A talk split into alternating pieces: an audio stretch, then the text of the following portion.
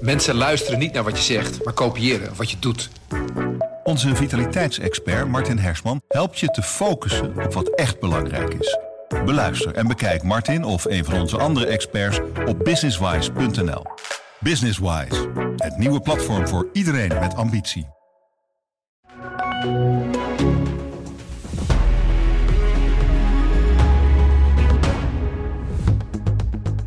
Vandaag staat het belangrijkste debat van het jaar op de agenda: de algemene politieke beschouwingen.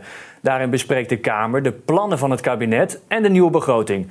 Politiek commentator Hans van Soest. Economisch gaat het goed met Nederland. En toch is er geen jubelstemming vandaag in Den Haag. Waarom niet? Nou ja, dat heeft er natuurlijk alles mee te maken dat in 19 partijen, uh, waaruit de Tweede Kamer uh, inmiddels bestaat, gewoon rollenbollen over straat gaan. Ehm, ze kunnen het nergens over eens worden. In elk geval niet over de vorming van een nieuw kabinet. Uh, er komt nog bij dat een hoop uh, partijen van die nu in de oppositie uh, zitten ehm, hun kans ruiken om vandaag Mark Rutte, de door hen gehate Mark Rutte, hun wil op te leggen. Dus dat wordt nog een spannend debat inderdaad de komende twee dagen. Wat moeten we dan tijdens die beschouwingen nu vooral gaan letten op hoe de formerende partijen met elkaar omgaan? Nou, je moet eigenlijk een beetje letten op de partijen die uh, niet zozeer aan de formatietafel zitten nu. Hè, want dat zijn VVD, CDA, D66. En mijn verwachting is, die zullen elkaar echt wel een beetje heel laten uh, uh, vandaag. Maar wat gaan die partijen doen waarvan die drie hebben gezegd... nou, daar willen we mogelijk in de toekomst nog wel mee samenwerken. Zoals PvdA, GroenLinks, ChristenUnie, maar ook Volt, SGP. Misschien zelfs wel een klein beetje de SP, zei premier Rutte gisteren nog. Nou ja, ik verwacht eigenlijk dat deze partijen vandaag allemaal geen goed woord zullen over hebben voor de plannen die het kabinet heeft voor volgend jaar. Uh, ze zullen met een hele waslijst aan wensen komen, uh, vaak miljarden kostende uh, wensen. over wat er allemaal alles zou moeten in de begroting voor volgend jaar. En dan is het zeer de vraag, ja, hoe gaan die drie partijen, hè, lees het kabinet, daarop reageren? Ja, want hoewel het demissionaire kabinet een beleidsarme begroting heeft gemaakt, hè, zoals dat heet, ja, verandert het toch wel het een en ander komend jaar? Kan je kort uh, uitleggen wat zijn de belangrijkste thema's? Nou, kijk, uh, het kabinet mag in principe, althans mag. Uh, de Tweede Kamer wilde niet dat het demissionaire kabinet nadat nog hele grote beslissingen zou nemen. Hè. Dat is al meteen na de val van het kabinet afgesproken. Dan worden een hoop dingen controversieel verklaard. Zo van, nou, dat laten we over aan een volgend kabinet.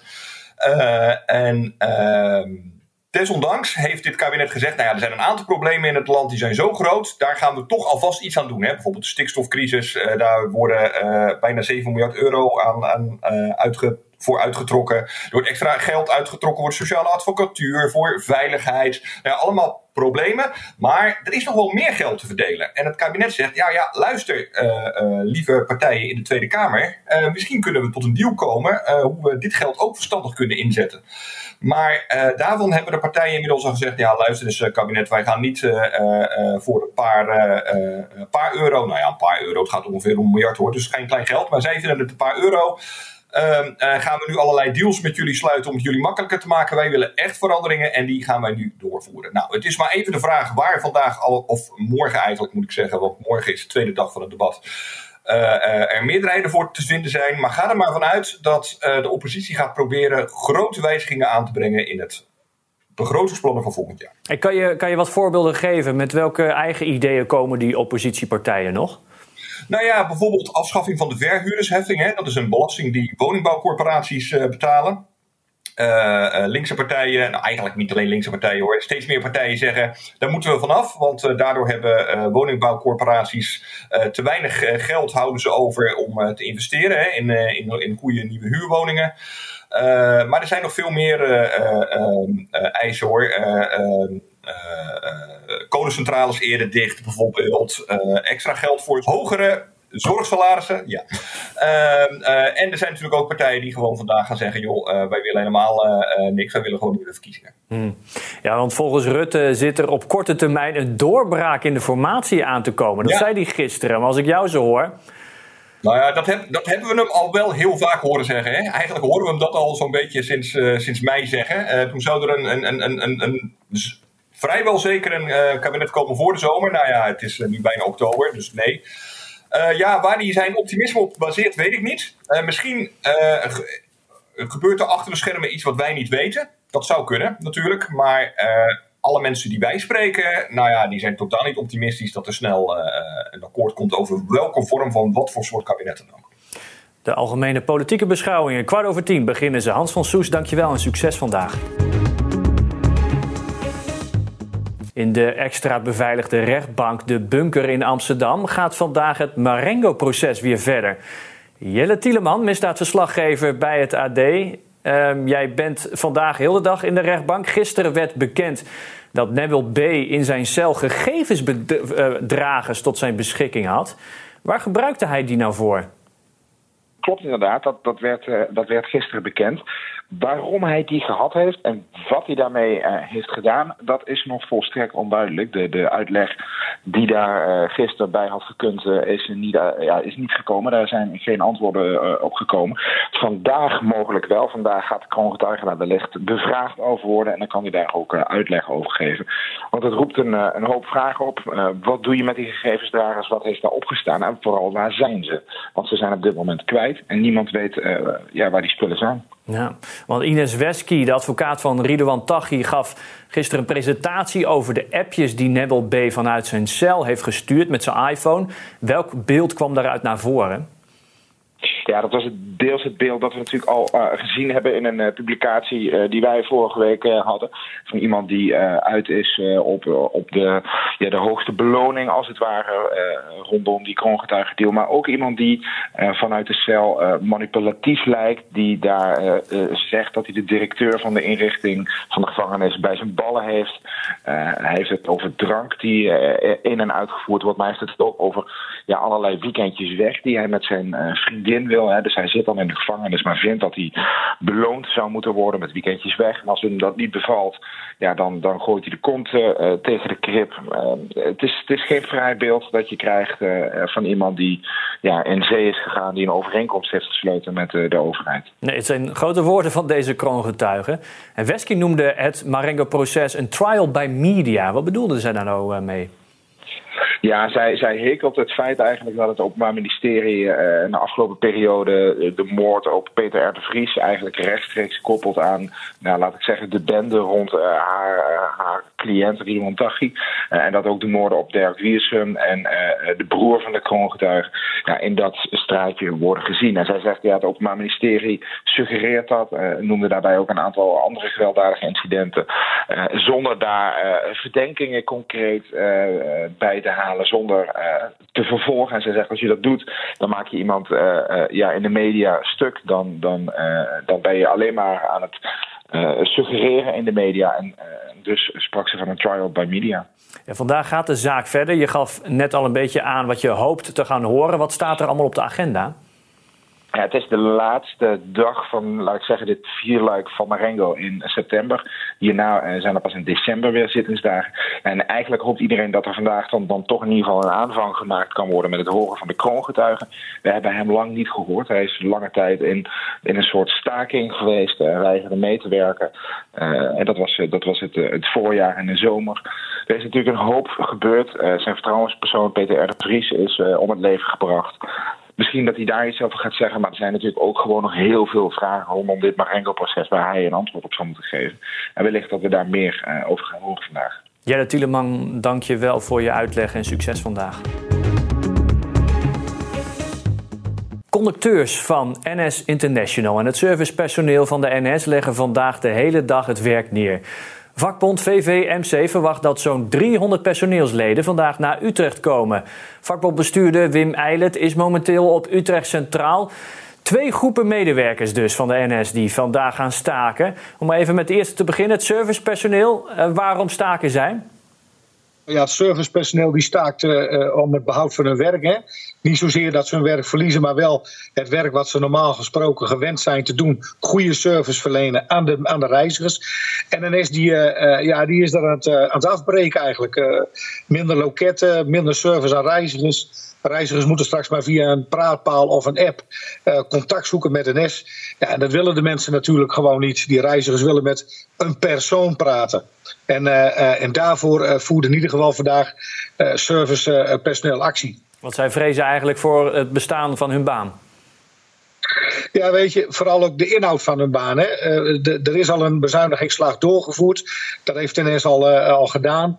Uh, mensen die nu nog werkzaam zijn, die hoeven in principe ook niet vrezen voor hun baan. Maar wel gaat het over de inhoud van hun baan. Dus het service verlenen aan de reiziger.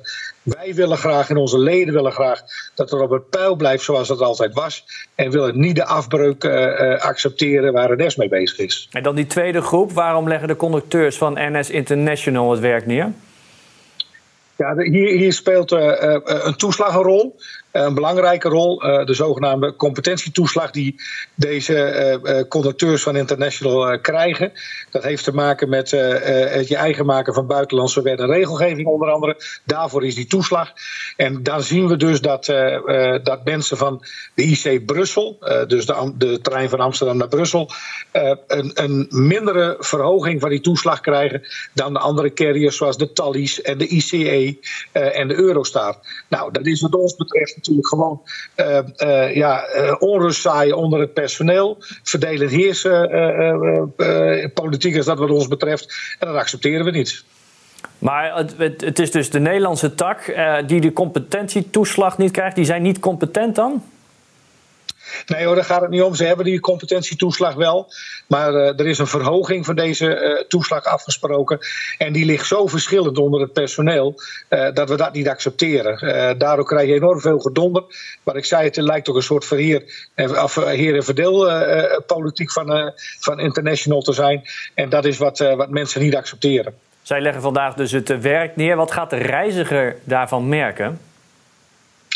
Het gaat om één trein, hè, wat ik al zei, de, de IC Brussel. Uh, uh, dus daar zal wat overlast zijn. Uh, vergeet niet dat wij NS voor deze acties altijd op tijden informeren over dit soort acties. Dus we hebben tijd genoeg om, om alternatieven en oplossingen voor de reiziger te zoeken. Voor de reiziger op de stations, ja, die zullen vandaag gewoon gaan merken dat ze geen service kunnen vragen. Die bij het loket even kunnen informeren wanneer de volgende trein gaat of uh, waar ze moeten overstappen en dergelijke, dat soort zaken.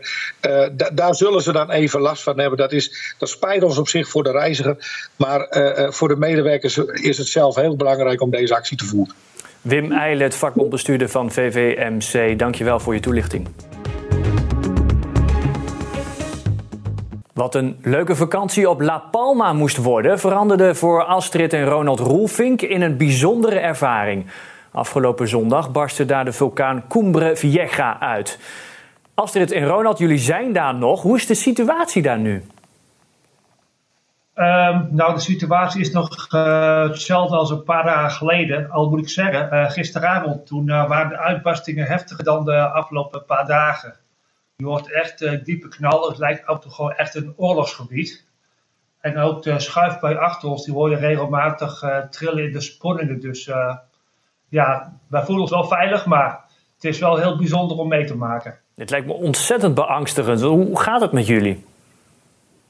Nee, met ons gaat het prima. We zijn, ja? ja, met ons gaat het goed. Ja, nou, we zijn eigenlijk geen uh, moment bang geweest voor onze veiligheid. Ik bedoel, uh, als je kijkt, de lava waarvan de vulkaan afstroomt, dat gaat echt de andere kant op. En ja, mocht het echt uh, problemen op zouden leveren, dan gaan we ervan uit dat wij wel betijds gewaarschuwd worden. Ja, wat krijgen jullie een beetje mee uh, van de lokale bevolking? De laatste updates. Uh, hoe gaat dat in zijn werk?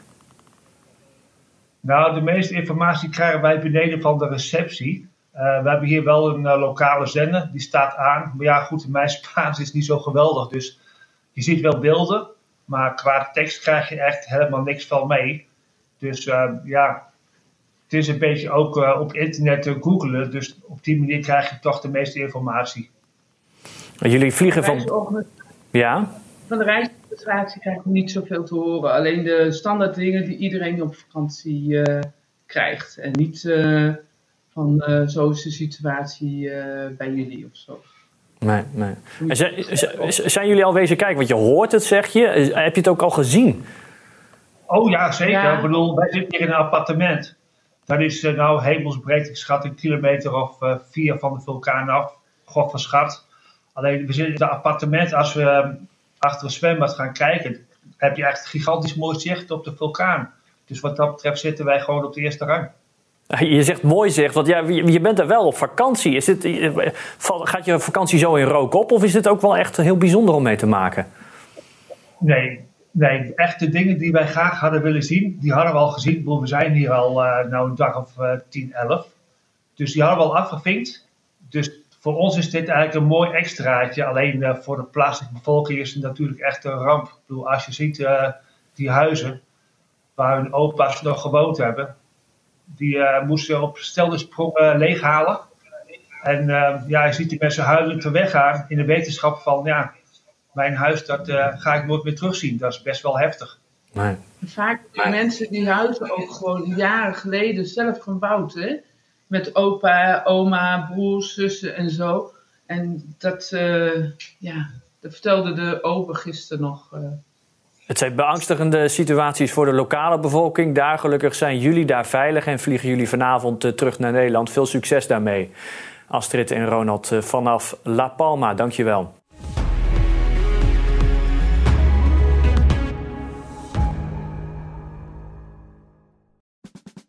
Luister ook naar onze podcast Politiek Dichtbij. In een half uur praten we hierbij over de stand van zaken op het Binnenhof. En niet alleen vanuit de wandelgangen in Den Haag, maar ook vanuit een regionaal perspectief. We zijn te vinden in onze app, op Apple Podcast en op Spotify. En wie zijn wij dan? Wij zijn Leonard Beekman en Tobias den Hartog. Een goede spreker herken je aan de Q&A aan het eind. Onze lifehack-expert Martijn Aslander geeft je adviezen waar je echt wat aan hebt. Beluister en bekijk Martijn of een van onze andere experts op businesswise.nl. Businesswise, het nieuwe platform voor iedereen met ambitie.